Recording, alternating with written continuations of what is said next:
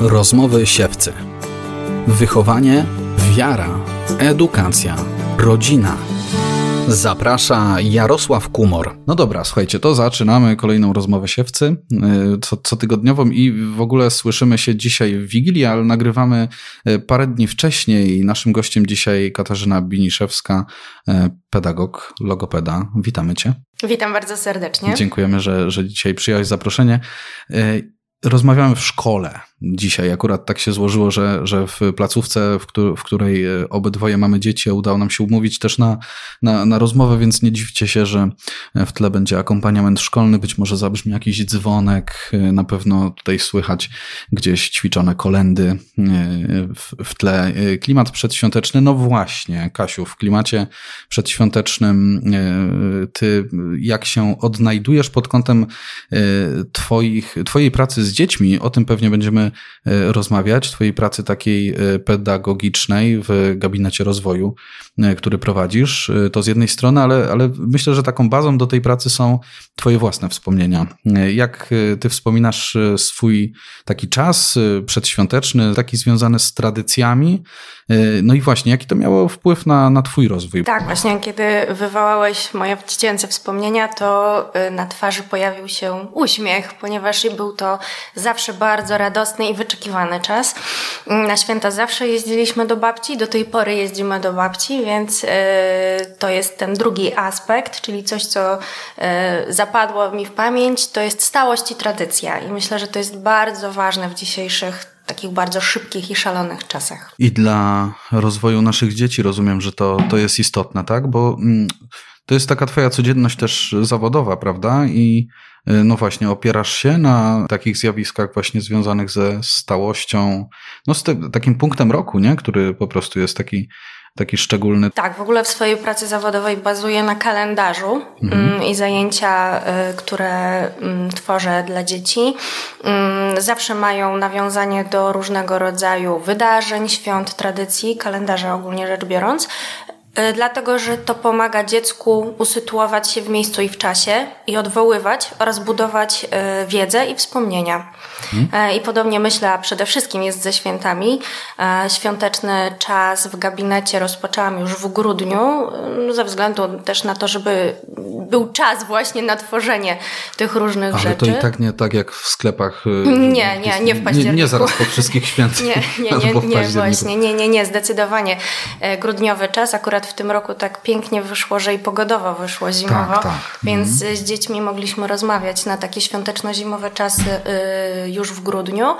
Mm, no i właśnie bazujemy na doświadczeniach dzieci, które już posiadają, ale też przede wszystkim na moich doświadczeniach, bo to przecież dzieci y, ode mnie się też wiele uczą y, i pokazuję im różnego rodzaju sytuacje, opowiadamy o różnych sytuacjach w ten sposób, na przykład budujemy słownik na zajęciach logopedycznych. Mhm czy, czy w terapii ręki na przykład, kiedy opowiadamy sobie o różnych wydarzeniach takich domowych, które potrzebują tej siły rąk, bo kto dzisiaj już tak lepi pierogi i robi pierniczki, prawda? No tak, tak. Masz to doświadczenie, tak? Że, że, że też jako czy dziecko, czy, czy po prostu młoda dziewczyna lepiłaś pierogi i właśnie gdzieś tam wycinanie pierniczków? Tak, zdecydowanie. Moja babcia to jest, kocha jedzeniem, o w ten sposób bym powiedziała. Więc... Czyli pod tym względem dość typowa babcia. Tak, zdecydowanie. E, więc e, u nas zawsze e, była tradycja przygotowywania posiłków wcześniej oczywiście i lepienie pierogów jak najbardziej,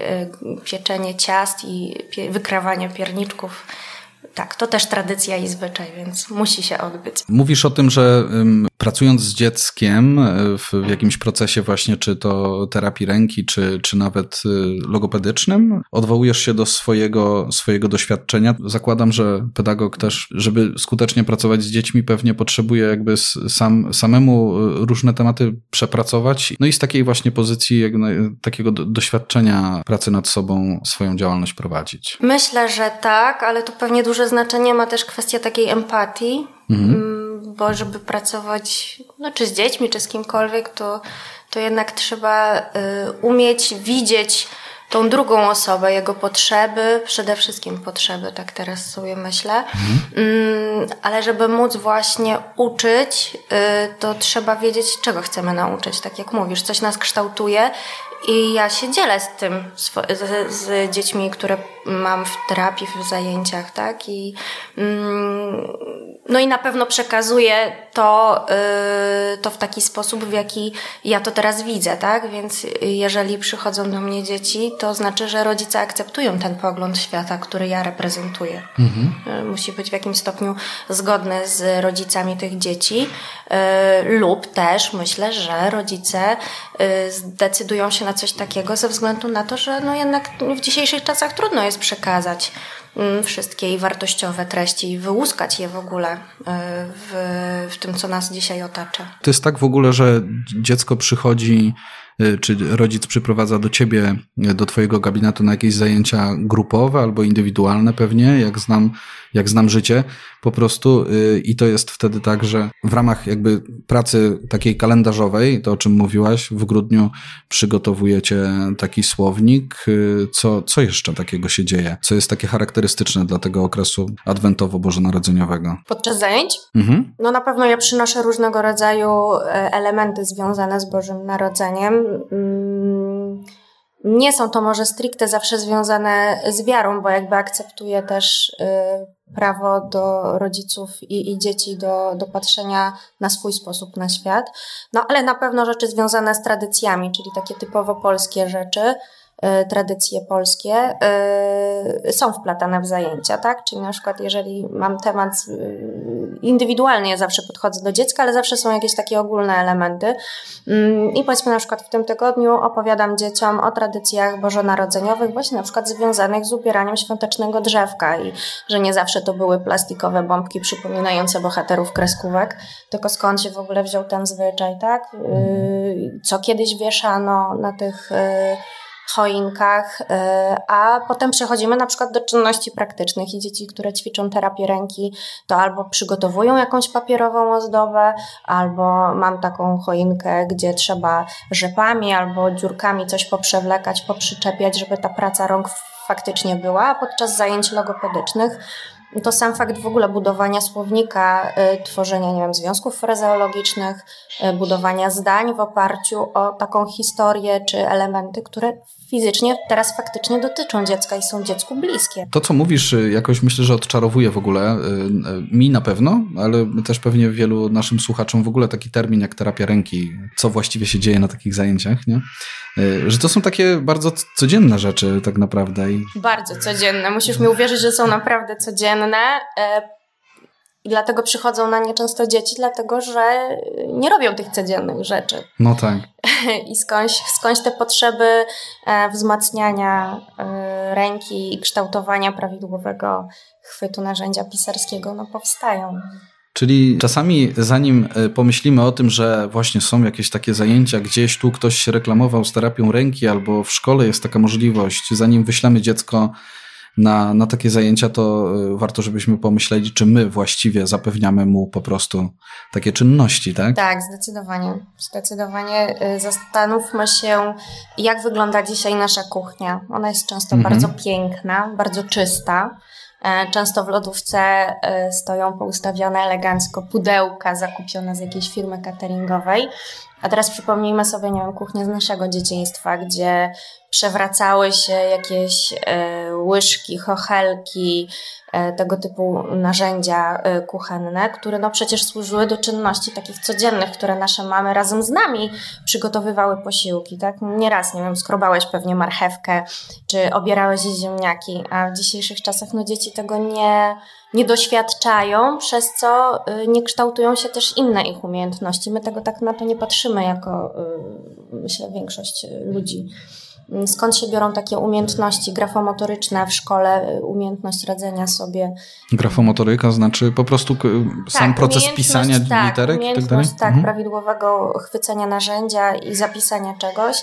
Mm, a bierze się to z takiej siły, którą mamy w naszych dłoniach. A jeżeli nie mamy tej siły, no to jest tak jak na siłowni, tak? No, mm, tutaj też potrzeba odpowiednich ćwiczeń bądź stymulacji. Jeżeli nie stymulujemy tego y, systematycznie na co dzień w warunkach takich codziennych i domowych, Zazwyczaj wtedy dzieci trafiają już na takie zajęcia terapeutyczne. No ale trafiają też takie dzieci, które, e, które bardziej widzisz, że to jest zaniedbanie rodzica, w tym sensie, że mógłby angażować dziecko w jakiś sposób w kuchni, czy, czy po prostu, że jest to dziecko trochę tak posadzone, w cudzysłowie posadzone przed telewizorem w wolnym momencie i, e, i, i nie, nie ma takiego, wiesz, poświęconego czasu. Czy z perspektywy pedagoga widzisz taką tendencję?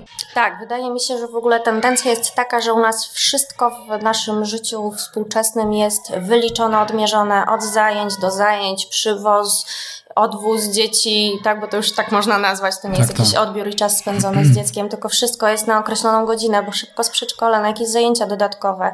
Później my też na jakieś jeszcze dodatkowe zajęcia czy spotkanie e, i wszystko ma tak skrócony czas, te przerwy, które mm, właśnie służą temu, żeby budować relacje e, oraz umiejętności, e, które właśnie przydadzą się nam później w naszym życiu mhm. dorosłym. Często jest tak, że w szatni przecież w przedszkolach rodzice ubierają dzieci. A tutaj te, a te umiejętności wiązania butów, y, zapinania guzików, y, zasuwania y, suwadeł w kurtkach, no bardzo dużo wymagają precyzji dłoni, koordynacji oko, ręka, mm, więc to są takie codzienne czynności, które później my wykonujemy w warunkach gabinetowych. I można sobie zadać pytanie, czy koniecznie, tak? Czy, czy musimy to robić w warunkach gabinetowych, czy nie możemy sami wpłynąć na rozwój naszych dzieci, dając im troszkę takiego za zadaniowości, takiej zadawaniowości, wyliczyć sobie ten czas, mm, te 5 minut więcej przed wyjściem w domu, żeby mhm. miało dziecko czas, możliwość założenia butów, nauczenia się zasznurowania tych butów, mm, czy założenia na spokojnie tej kurtki, no bo wiemy o tym, że nawet jeżeli on potrafi zapiąć te guziki, to potrzebuje więcej czasu niż my. Na pewno, na pewno, tak, a to wyjście poranne bywa na dużym pośpiechu. Wiesz, wyobraziłem sobie siebie i przypomniałem sobie, jak teraz mam rzadko okazję e, odbierać dzieci akurat, ale, e, ale to jest e, często to, to, że ja sam stwierdzam, że jednak zapnę guziki czy zasunę buty, kwestia takiej zadaniowości. Robię to już od paru miesięcy i nie zauważam tego momentu, w którym właściwie dziecko już samo by mogło Dokładnie. to zrobić, nie? Poza tym my jakby z natury chcemy dobrze, bo my chcemy pomóc no dzieciom, tak. prawda? Chcemy przyspieszyć ten e, proces, żeby nie wiem, wsiąść do samochodu i, i wszyscy ruszyć do domu. A z drugiej strony możemy dać sobie te kilka minut więcej, żeby właśnie mogło usamodzielnić się i kształcić nowe umiejętności. No bo to rozumiem, że nie jest tak, że okej, okay, nawet jeżeli ja teraz nie daję dziecku tej szansy i nie czekam tych paru minut, żeby samo wsiadło do samochodu i tak dalej, samo zapięło tę kurtkę, y, wiesz, to może się nam odpalać takie myślenie, że to i tak kiedyś w końcu się nauczy, a teraz po prostu nam się spieszy. To jest tak, że ono i tak kiedyś się nauczy, czy jednak, y, co, jaki to jest plus, wiesz, że, że ono, im wcześniej, tylko... tym lepiej, tak? No jakby w każdym mm, etapie rozwoju mamy czas na nauczenie się czegoś. I później też jest na to czas, bo przecież jako mm, starsi uczniowie czy nastolatkowie też się czegoś uczą, tak? To nie jest tak, że oni później chodzą do szkoły, bo chodzą do szkoły, ale mają inne jakieś obowiązki. E, I po co on ma teraz tracić czas kiedy później będzie musiał bardzo dużo nadrabiać. Mhm. Poza tym później też możemy się zastanowić, w czym nasz nastolatek e, może się też świetnie sprawdzić. Nie mówię tu o wyręczaniu się, tak, bo często teraz tak jesteśmy rozumieni jako rodzice, że, że my chcemy się wyręczać dziećmi, jest jakaś taka zmiana myślenia. Mm, natomiast ja nie uważam, że to jest coś złego, że nastolatek pójdzie, kupi, yy, zrobi zakupy, a później, nie wiem, obierze te ziemniaki do obiadu, tak? Czy przygotuje część posiłków. To jest część czynności, która na pewno nas odciąży i będziemy mogli spędzić czas razem, ale też jest mnóstwo takich sytuacyjnych elementów, które go uczą. No bo pójście do sklepu, mnóstwo umiejętności społecznych, matematycznych. Później e, wejście do domu z tymi zakupami, zaplanowanie, co gdzie trzeba odłożyć, co z tym zrobić, tak? No mnóstwo umiejętności. A w tym momencie, jeżeli on ma się teraz skupić na zawiązywaniu butów, no to się robi no, taka No tak, robi mu się tak, tak, tak, tak. Mm. Też, no tak, trochę taki zator. Yy, tak, tak, że, że po prostu musi się uczyć tego, co, co, co już dawno mógłby wypracować, rzeczywiście. Yy, mówisz o tym roz, rozładowywaniu zakupów, to jest tak, że na przykład moje córki u, po prostu to uwielbiają. One są w stanie po prostu, one by mogły cały dzień, mam wrażenie, roz, rozpakowywać torby z zakupami dziecko się chyba czuje po prostu potrzebne też, nie? Tak, tak no myślę. Pewnie, jest... że tak. Poza tym to jest taka codzienność rodzinna. Budujemy jakieś, no to są zwyczaje, tak? Że nie wiem, mhm. wspólnie idziemy na zakupy. To jest jakiś rodzaj no, zwyczaju, możemy teraz to nazwać. I później jak to możemy wykorzystać? Skoro jesteśmy w sklepie, to przecież dziecko może podać nam coś z najniższej półki, z najwyższej półki. Budujemy taką świadomość yy, i logiczne myślenie. Później wracamy do domu i tak samo rozpakowujecie. One sortują, wiedzą co gdzie odłożyć. Yy, I pamięć, tak? No bo one pamiętają, że w tej szławce, a nie w tamtej yy, coś, yy, coś jest. Poza tym to jest przede wszystkim wspólnie spędzony czas. Coś, czego no współcześnie myślę, że jest zbyt mało. Doba Netflixa, niestety.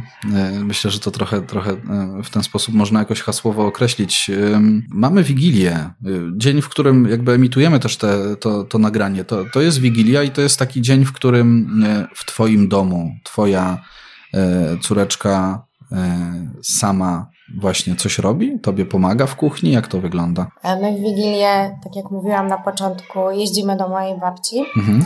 E, I e, tak, córka, tak jak ja kiedyś uczestniczyłam w pomocy, to teraz ona bardzo chętnie przejęła te obowiązki, a mianowicie chociażby nakrycie stołu. U nas e, rodzinie, rodzina w Wigilię spotyka się dość licznie, więc tych nakryć jest, no nawet myślę, że w tym roku dwadzieścia parę będzie, więc mhm. ten stół jest długi. I ona bardzo chętnie rozstawia te sztućce, liczy ile jeszcze potrzeba, do tego jakieś historie rodzinne, bo jakieś cioci albo babci się przypomni, że jak ja byłam w jej wieku, to coś tam, coś tam, tak? I, się no, robi czasami zabawnie yy, i ciekawie. Więc myślę, że to i buduje też yy, jakiś też zwyczaj i tradycje, ale też pokazuje mojej córce, jak wygląda właśnie taki wspólnie spędzony czas z najbliższymi, z najbliższą rodziną. Ja tak myślę też, wiesz, o takim ducho, duchowym doświadczeniu tego czasu, bo wiesz, to, to są spotkania z rodziną, to są opowieści i tak dalej, to jest choinka, czyli taka, taka trochę magia świąt, tak wiesz, jak mamy z, re, z reklamy, to, to zawsze tam jest właśnie ta rodzina, to jest zawsze ten dziadek, on coś opowiada.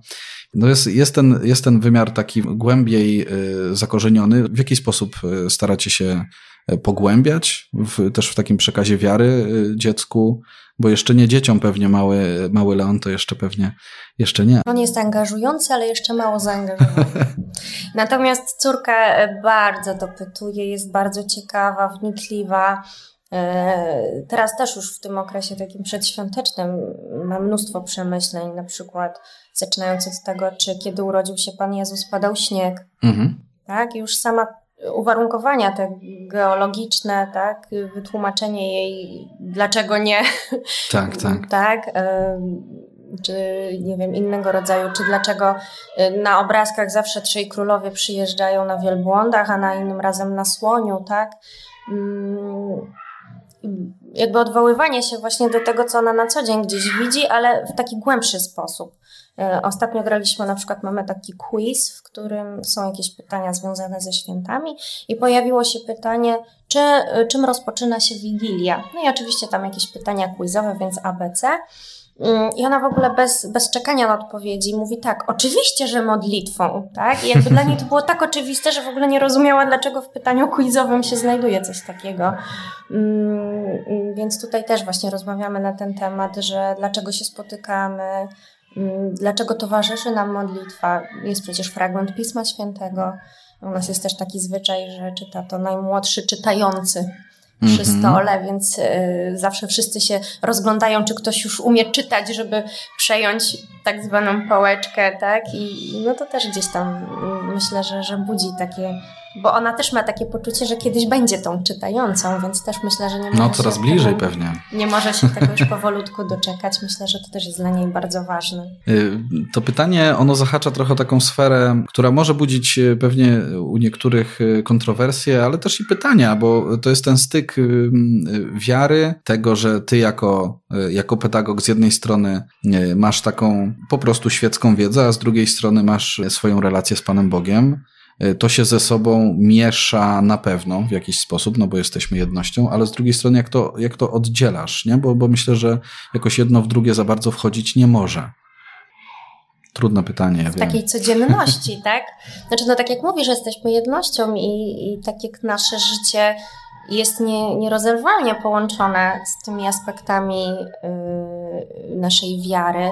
No i tak jak sobie, nie wiem, nie wyobrażasz, nie wiem, dnia bez rozpoczęcia, nawet krótkiej modlitwy, no to ten dzień będzie tak zawsze wyglądał, nieważne czy pójdę do pracy, czy nie pójdę, tak? No w czasie zajęć, no często jest tak, że faktycznie czasami jest to w biegu i, i może nie mam takiej chwili, Y, na jakieś takie przemyślenia głębsze. No bo wiadomo, że ten czas goni nas, bo jedne zajęcia, następne zajęcia, ktoś inny przychodzi, któryś rodzic chce o czymś porozmawiać.